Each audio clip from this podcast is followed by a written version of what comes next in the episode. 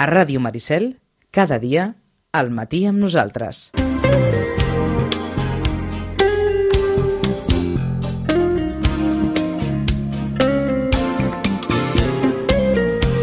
Gairebé un quart de dotze, tercera hora d'aquest matí, nosaltres ens retrobem el temps de la biblioteca superat superada la jornada de portes obertes a la Biblioteca Santiago Rossinyol i en espera de...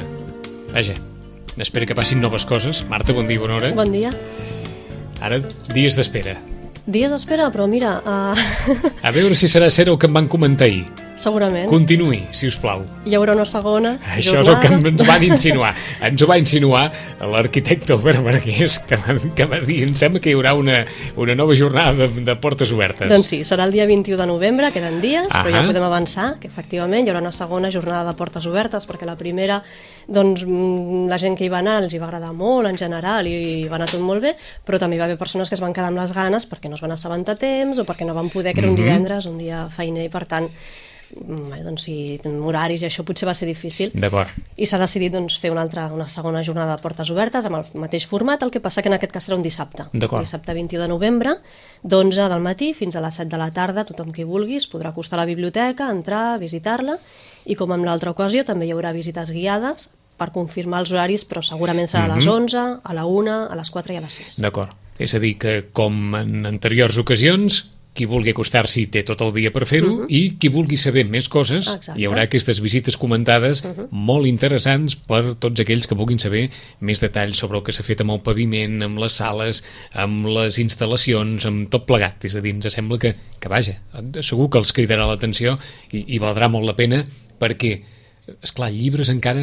No, encara no, no, eh? encara no, és a dir, encara encara, no. encara serem en aquest eh, període en què diu la Marta, si la voleu veure buida del tot, Sí. La podreu veure buida del tot encara, eh? Sí, exacte. Des de Barcelona, doncs, bé, com comentàvem, no? que estem treballant amb tot el tema del fons, s'ha de fer l'adjudicació de mobiliari, restaurar part de mobiliari que ja hi havia, i tot això s'han de complir uns terminis, i sembla com una bola que va a poc a poc, però, però hi estem treballant. Entre altres coses perquè el fons s'ha d'adaptar, com ens deia la Marta també, Exacte. a aquest nou sistema de préstec, que és sí. a dir, que s'ha de deixar tot a punt perquè el primer dia tot funcioni Clar, com ha de funcionar, clar, clar, eh? sí, perquè això no, després de col·locar-ho també és, és, és una feina i per tant la part prèvia, que és el que estem fent ara, és molt important de tenir-ho tot molt ben ajustat i molt, i molt ben Perquè preparat. quan sigui l'hora- Perquè quan arribi en caixa sigui un, un, Un- obrir, obrir i posar. saber exactament on s'han de col·locar i que tot estigui ja preparat per després poder fer el préstec Ahà. àgilment, que és la, la idea d'aquestes màquines, que tothom es pugui fer el, el, el tràmit del préstec, Mhm. cadascú amb, amb els llibres que s'emportin en préstec, doncs amb una màquina. Que... D'acord, i comprovaran com hi ha objectes que no s'han mogut de lloc i per tant que des del 36 estan en el mateix lloc on estan ara, eh? inclús amb l'obra acabada, prestatgeries, Sí, sí, sí. sí. allà estan. Allà. Allà estan, que té un, té un punt també allò de veure un objecte castellà Mhm. Que ha vist tot el que ha vist i que acaba de veure l'obra de reforma i continua estant allà, Continua allà la i prestatgeria. allà, i allà continuarà. I si alguns de vostès tenen fotos de quan abans de l'obra, fins i tot els prestatges estan en la mateixa posició. Igual. Igual, que com van quedar en el seu, en el seu moment, eh? Ara aquests prestatges doncs, s'han de polir, s'han de netejar... evidentment. I, i Però que omplir-los. boniques són aquelles prestatgeries tan, tan històriques i tan, clar, tan, sí, tan d'un sí. moment, eh? Sí, sí, tampoc no es volia trencar i llavors amb, aquest, amb un edifici així, no, doncs borrar tota aquesta part d'història que també els mobles hi formen part, evidentment, i posar tot de prestatgeria metàl·lica, no més Ahà. moderna, n'hi haurà, eh? però combinarem les dues parts. Aquestes, de, aquestes dues vessants. Però tot això encara està per arribar. De moment es poden marcar l'agenda 21 de novembre. Com ens deia la Marta, ja en donarem més detalls. I ara l'activitat a la Roig i Reventós. Sí, doncs aquest divendres comencem l'hora del conte, com cada divendres, a dos quarts de sis de la tarda. Torna el Blai Sanabra, un dels fixos a la biblioteca, i ell encantadíssim, perquè també doncs, coneix el tipus de públic que ve a la biblioteca i, i mira, doncs ara ho diré, que normalment els narradors que venen ens feliciten per com es porten i com és el, els nens i nenes que venen a escoltar contes i sobretot destaquen una cosa que en altres biblioteques no s'hi troben, que és l'edat dels nens En quin sentit? en què conservem nens més grandets. Conservem, vull dir, Sí, que sí, nens... en el sentit que continuen Exacte. mantenint aquesta afició. Exacte. Normalment a les hores del conte, pel que em comenten i pel que també he pogut veure, l'edat del, dels assistents està baixant. I clar, no és el mateix explicar un conte a un nen de dos anyets de 3 que a un nen de 6, de 7, Ahà. de 8 i de 9. Perquè, clar, la, la manera com segueixen la història, les ganes de participar, diferent. el comportament, l'hàbit d'estar més Ahà. callat, i si no li agrada marxa, però és molt diferent de nens més petits i, per tant, la manera d'explicar els contes i el conte en si ha de ser diferent. I els narradors ens comenten això, que la majoria de biblioteques està baixant molt l'edat i, en canvi, aquí agraeixen que hi hagi aquest grup de nens i nenes que encara venen, alguns d'ells amb la, gràcies a la ludoteca de l'escola Miquel Utrillo, però no tots, sí. i bé, hi ha aquests uns que porten germanets petits i per tant la narrador va continuant. Però normalment sí que, mira, volia destacar que, que estan contents i s'hi troben molt a gust quan venen a la biblioteca. a Mhm. Home, doncs aquesta qüestió d'actitud, eh, els Sí. pares hi tenen molt a veure. Sí, clar, és una feina que també costa perquè és un rodatge, no sempre la primera vegada que un nen petit a l'hora del conte doncs, ha d'aguantar tota l'estona, doncs no, quan es cansa marxa i ja està la setmana que ve. I això també ajuda al fet de que sigui una hora del conte setmanal, Ah. que també és de les po poques biblioteques que ho fem. Normalment és un cop al mes i per tant els hàbits, com més es repeteixen, més s'enganxen. I aquí no? els hàbits, I evidentment, aquí, doncs, amb un cop a la setmana... han doncs, demostrat és- que funcionen, eh? Sí, sí, sí. Doncs envia el Senabre una vegada més, demà divendres a partir de dos quarts de sis. Exacte, ens explicarà un conte que es diu Tres princeses pàl·lides. Hi havia una vegada un rei que tenia tres filles molt pàl·lides i va arribar l'hora que els hi havia de buscar doncs, un, una successora al tron, doncs, que eren tan pàl·lides les tres, que era un problema ja. Aviam com el solucionarà aquest rei. Les tres princeses pàl·lides. Uh -huh. Després, el divendres, 6 de novembre, tornem amb l'hora del conte i en aquesta ocasió tenim una cosa que també hem fet diverses vegades i que funciona, que és conte i música. El protagonista de- d'aquest conte és el Boom, que és un elefant, i el conte es diu En Boom i el tresor pirata, a càrrec de la companyia Humanots. Uh -huh. La companyia Humanots és una companyia de quatre músics que fa poquet que, que s'han format i la seva idea és doncs, això, no? demostrar com la música i els contes lliguen a la perfecció i a més educar el sentit musical en els nens i nenes, donar-los a conèixer els instruments i en aquest cas els instruments protagonistes seran els de percussió. Portaran una bateria i després d'explicar aquest conte de- d'en Boom eh, deixaran que els nens provin una bateria. Una, una bateria a la Una biblioteca, bateria. eh? Pot ser guapo. Això 6 de novembre, 6 de eh? novembre. O sigui que hi haurà quietud i hi haurà soroll. Mm -hmm. Sí, però el deixarem fer. Exacte. Les conte són com un Hem parèntesi. d'entendre, suposo que una bateria adaptada, eh? Diguem-ne, o una bateria-bateria. Bueno, no, no ho sé ben bé, Ah, eh? però bueno, és una a dir una bateria, en cosa- tot cas, soroll es farà, però a l'hora del conte sempre diem no? que és com un parèntesi dins de la pau de la biblioteca, Biblioteca. doncs escoltem el conte amb silenci, però després sempre hi ha aquella part més lúdica que també doncs, els nens ho agraeixen. I I la importància de la música. La importància de la música. 6 de novembre, dos quarts de sis, el boom, la història d'aquest elefant, però també musicada. Exacte. Vinga. Més coses. Mira, fa poquet que tenim unes bosses a la biblioteca que es poden comprar per un euro i mig. Sí. Així una miqueta... Testimonial, eh? bueno, testimonial, sí, està bé. I aquestes bosses serveixen doncs, per agafar els llibres en préstec i portar-los i després tornar a portar la bossa. Els protagonistes d'aquesta bossa són els personatges de la web de, del portal de la infantil de, de les biblioteques, que és el Genius, i són aquells quatre personatges que de vegades hi han dit que s'havien fet unes carutes de carnaval, s'han fet punts de llibre, s'han fet llapisos, per tant tenen tota una història darrere, s'ha fet un conte també. Els protagonistes són el Genius, el Bit, la Valentina i en i en Play Me, el gosset. És una bossa plastificada, com de Ah. plàstic, resistent, d'una mida que tampoc no és ni molt gran ni molt petita, mida llibre estàndard, Sí. i permet, doncs, Molt això. bonica. Molt bonica, sí, sí. Llavors permet de portar els llibres amunt i avall, i bé, doncs d'una manera còmoda, perquè de vegades, de vegades no molt sovint, que teniu una bossa, O que sigui teniu que- una bossa, i anem reciclant bosses, però aquesta doncs, fa més goig, Ahà. més patxoca, i també doncs, portem els genius amunt I avall, reutilitzable, passejant. vaja. I tant, sí, sí, perquè Vaja, està ben perquè es feta. veu sòlida, sí, eh? Sí, està ben es veu feta. sòlida, ben cosida pels laterals, o sigui que no es farà malbé a la primera de canvi, No. eh?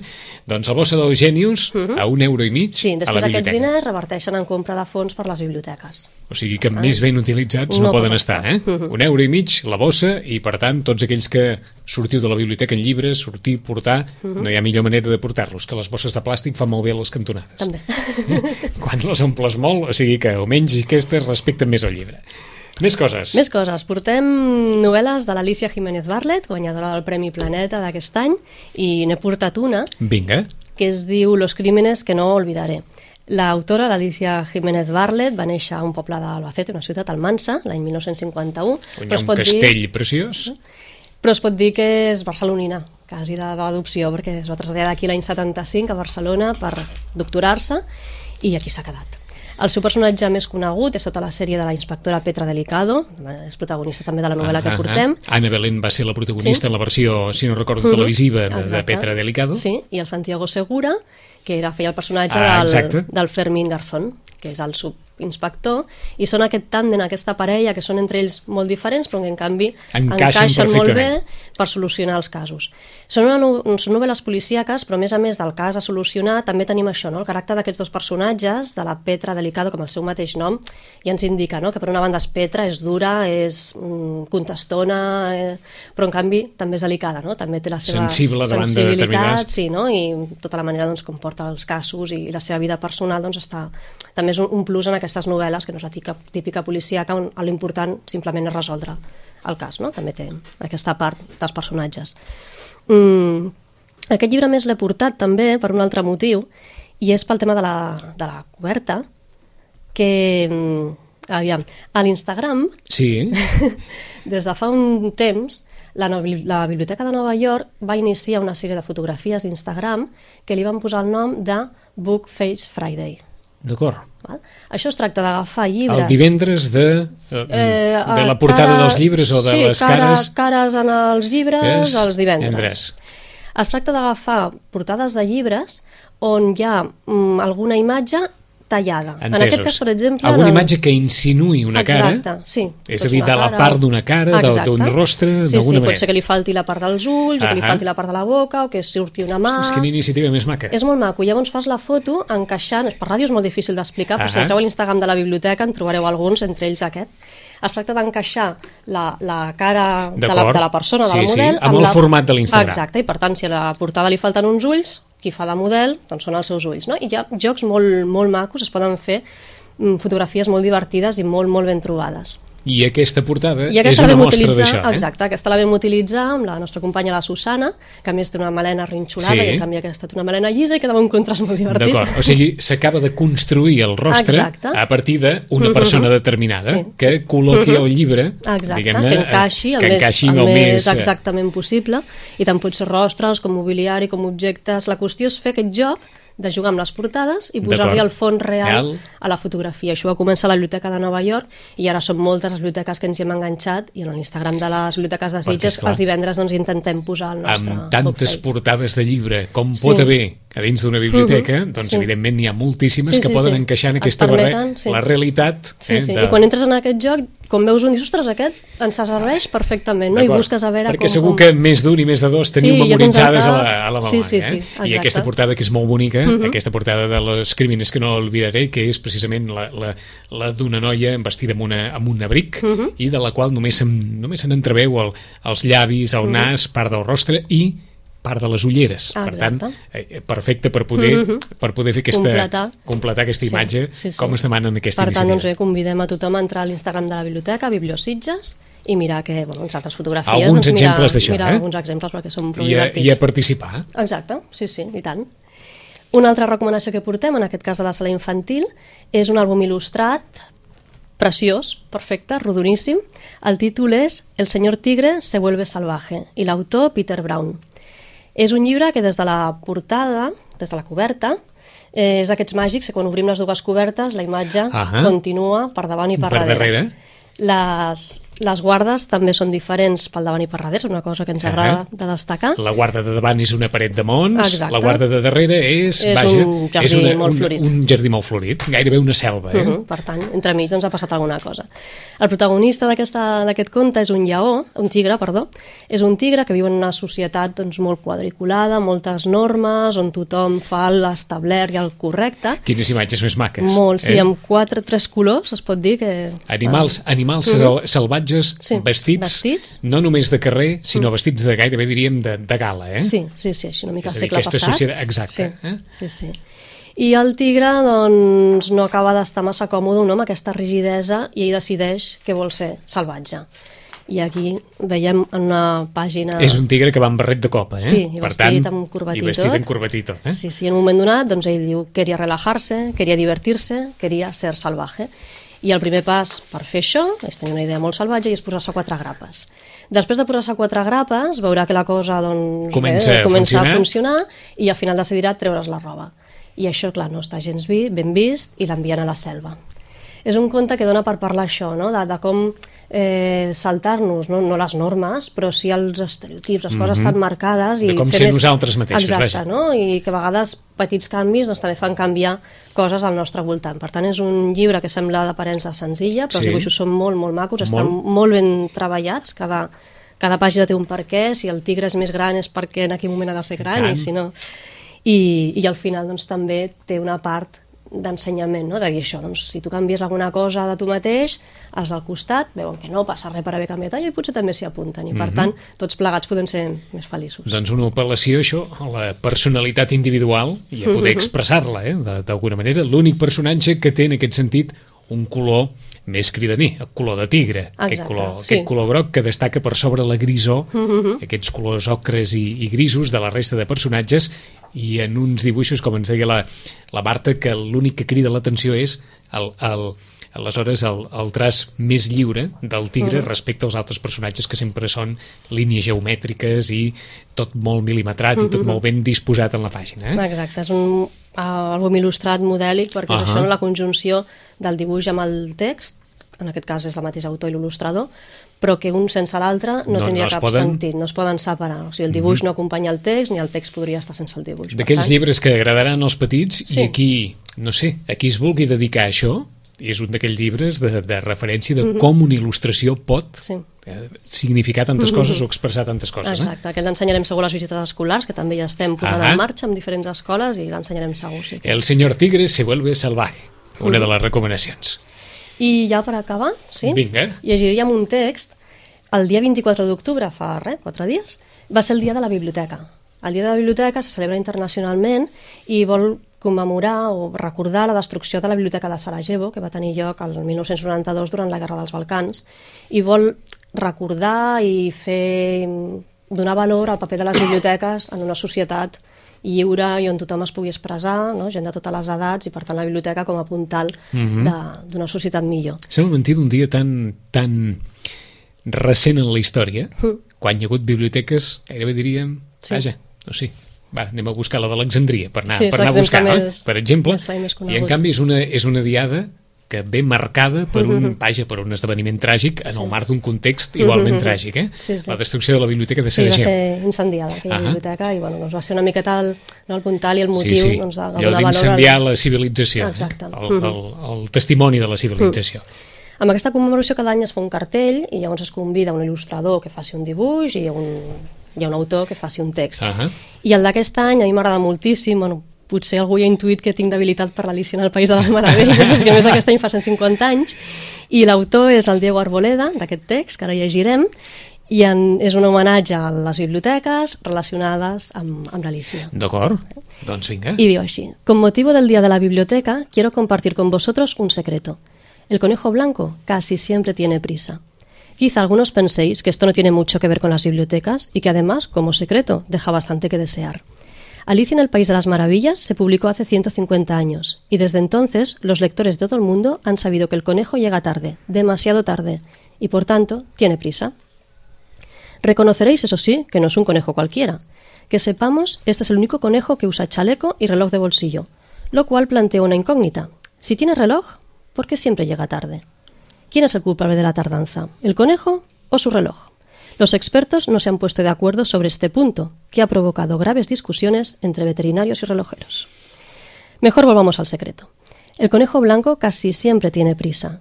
Corre porque tiene miedo de que la duquesa y sobre todo la reina de corazones ordenen que le corten la cabeza. Pero vosotros, que aún conserváis la vuestra, concentraos en ese casi. Es la clave, el secreto mejor guardado del País de las Maravillas. Casi siempre. ¿Cuándo no tiene prisa conejo blanco? Solo cuando visita un pequeño edificio escondido tras los árboles del bosque, la biblioteca. El conejo se toma su tiempo para curiosear entre las abarrotadas estanterías. Tiene un libro en mente, pero cuando se acerca a cogerlo, no puede evitar fijarse en el tomo que lo precede y en el de más allá. Y como ya sabéis, en una biblioteca, el libro de más allá es al mismo tiempo el libro de más acá de otro libro que está a su lado. Demasiadas opciones. Lleva tiempo elegir un libro. El conejo sabe que se encuentra en el hogar de la lectura, y la lectura es un placer que se disfruta sin prisa. Aunque nadie haya mencionado antes esta biblioteca secreta, no lo dudéis. Hay una en ese extraño mundo que visitó Alicia. No puede ser de otra forma. Pues a pesar de contar con el sombrerero loco, el gato de Cheshire y la oruga azul, a pesar de todos los animales fantásticos y las extraordinarias cosas que allí suceden, todo eso no es suficiente para ganarse el nombre que ese mundo tiene. Un lugar nunca podría llamarse País de las Maravillas si entre sus maravillas no se contara una biblioteca. Bonic text, eh? Molt. Bonic text, vindicador del de, Dia de les Biblioteques. Com us hem comentat més d'una vegada, la llei de règim local, aquí on ho veuen, entén que en els municipis hi ha d'haver una biblioteca. Més enllà, de, vaja, fins i tot més que un cos de policia. En canvi, sí que s'especifica com a un dels serveis essencials una biblioteca. Vaja, almenys que tinguem des del punt de vista de l'empara legal una, vaja, un testimoni tan, tan bonic com és el de el lloc dels llibres. I, I aquesta frase de que escollir un llibre porta el seu temps té, Sí. té molt, molt, molt de sentit. El dia de la biblioteca, 24 d'octubre, que se celebrava amb aquest, vaja, amb aquest munt d'aquest text i amb els manifestos i, en definitiva, amb la vindicació d'un servei essencial. 21 de novembre, recordin, jornada de portes obertes a la biblioteca, però abans tindrem ja ocasió de tornar Sí. a retrobar-nos amb la Marta. Marta, gràcies. Gràcies. Fins d'aquí 15 dies.